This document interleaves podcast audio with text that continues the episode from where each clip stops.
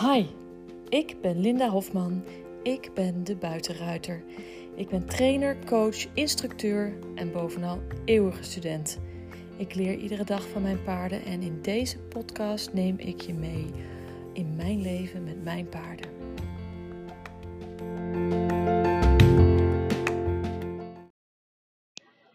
Nou ja zeg, goedemorgen. Je kunt het je niet voorstellen en het gebeurt me toch nog een keertje.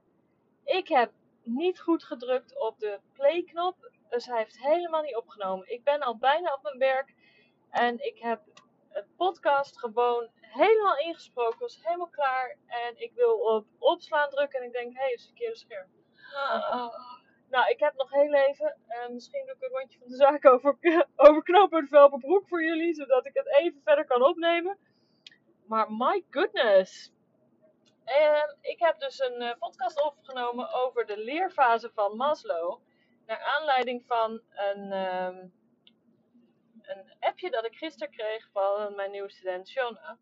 En zij is zo dankbaar dat ze nu ziet dat de problemen door haar veroorzaakt worden, door de spanning die zij meeneemt naar haar paard. En dat ze nu opeens ziet waar het probleem zit. En dat is natuurlijk hartstikke confronterend, maar het past helemaal binnen uh, het plaatje, zullen we maar zeggen. Um, ik ga er even heel snel doorheen, want ik heb dus helemaal niet uh, uh, zoveel tijd nu. ik heb niet meer 20 minuten om het op te nemen ben er verdorie al bijna.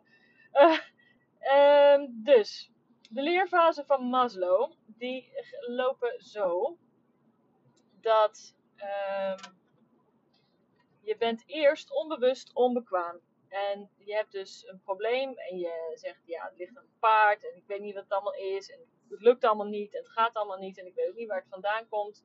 En hoe moet het nou? En ik weet allemaal niet hoe ik dat moet oplossen. Dat is bewust onbekwaam. Je bent je er bewust, niet bewust van wat het probleem is.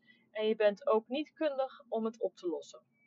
En je uh, uh, zegt dus dat de ander, en dus in dit geval het paard, uh, degene die het probleem veroorzaakt. Vervolgens denk je van, nou, ik moet maar les nemen, want eh, ik weet niet hoe ik dit moet oplossen met dit paard, anders moet ik het paard maar verkopen. En dan kom je in de fase bewust onbekwaam. Want je hebt les en je realiseert je tijdens die lessen opeens dat het probleem bij jou ligt en dat jij het niet goed doet en dat jij het nog niet kan. En dat is de fase bewust onbekwaam. Dus je bent je er bewust van dat je het nog niet kan. Dat is hartstikke confronterend. En 80% van problemen bij ruiters en paarden liggen aan de ruiter. En je kunt er dus eigenlijk ook wel vergif op innemen dat als jij tegen problemen aanloopt, dat die problemen van jou komen en niet van je paard. Tenzij je paard uh, uh, heel duidelijk een blessure heeft van het een of het ander. Maar ook met die blessure zou je nog kunnen kijken waar komt die blessure vandaan en is, ben ik misschien degene die die blessure veroorzaakt heeft door het een of ander. Uh, hoeft ook niet altijd te zijn, maar dat zou ook wel kunnen.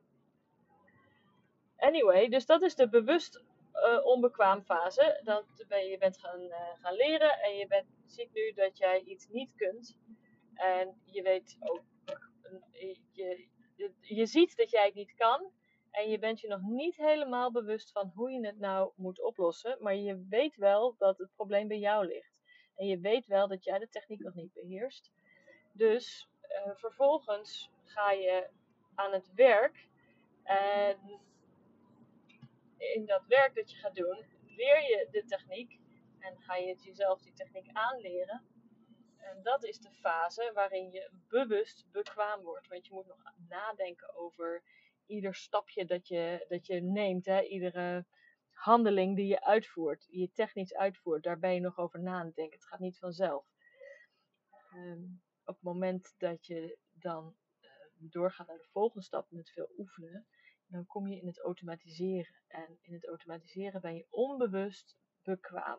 Dus je hoeft niet meer na te denken over wat je doet, maar je, het gaat als vanzelf.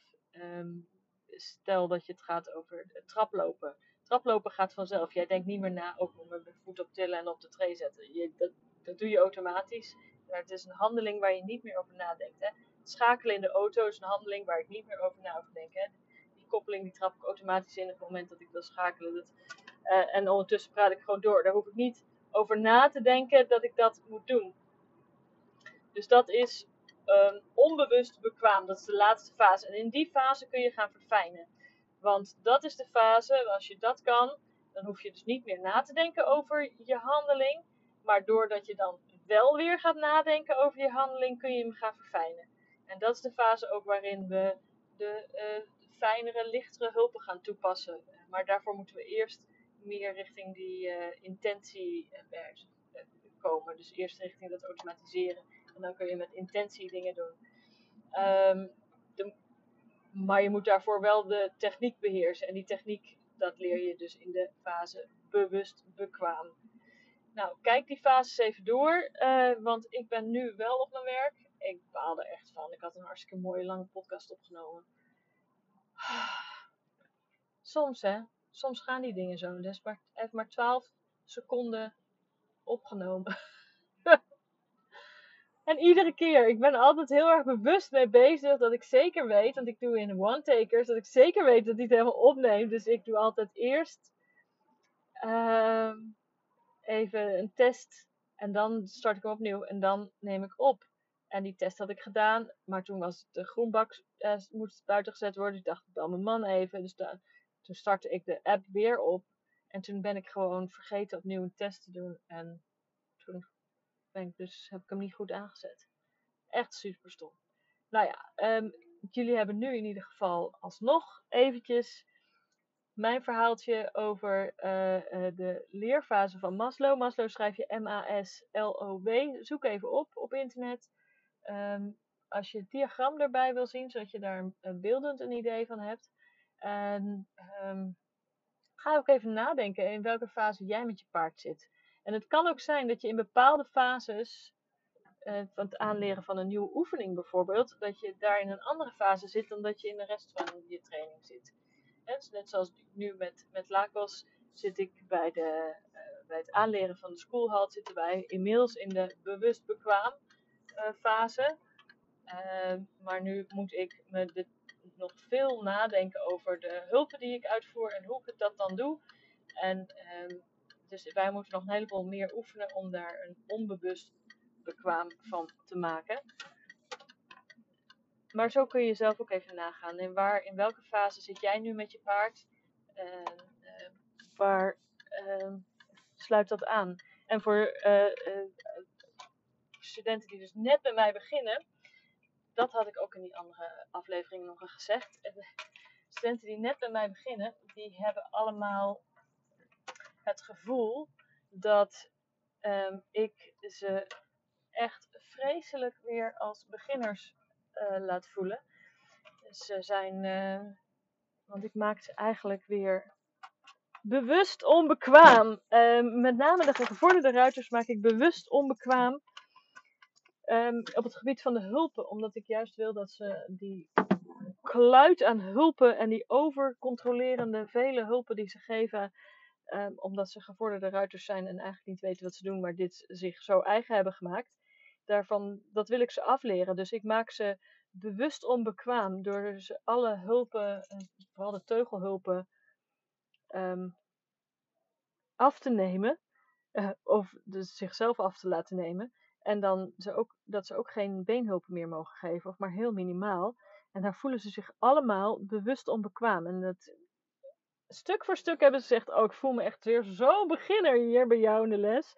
En ja, dat doe ik dus expres. Want op het moment dat jij bewust onbekwaam bent, dan um, kun je weer opnieuw die leerfases door en kun je dus weer iets nieuws aanleren. Maar als ik je van een, uit de, die ervaren ruiterspositie, waar je onbewust bekwaam uh, dingen doet, uh, waar je wel tegen problemen aanloopt, maar je weet ook niet waar ze van komen. Dus dan loop je eigenlijk alweer tegen de onbewust onbekwaam aan. Maar goed, dan uh, je denkt dat je het allemaal al weet, dan kun je niet leren. Dus ik wil dat je eerst die hulpen opnieuw gaat eh, leren beheersen en loskoppelen van elkaar. En daarna gaan we door naar de bewust uh, bekwaam en daarna, weer opnieuw naar het onbewust onbekwaam. Dus vandaar dat alle studenten die bij mij komen voor die natuurlijke rijkunstlessen, dat die zeggen: Oh my god, ik voel me weer zo'n beginner bij jou. Ja, dat doe ik expres. nou, dames, ik sta echt al geparkeerd voor de deur van mijn werk. Dus ik ga me stoppen voor nu. Ik spreek jullie morgen weer. En dan moet ik even wat beter opletten met het opnemen. Dus, doeg!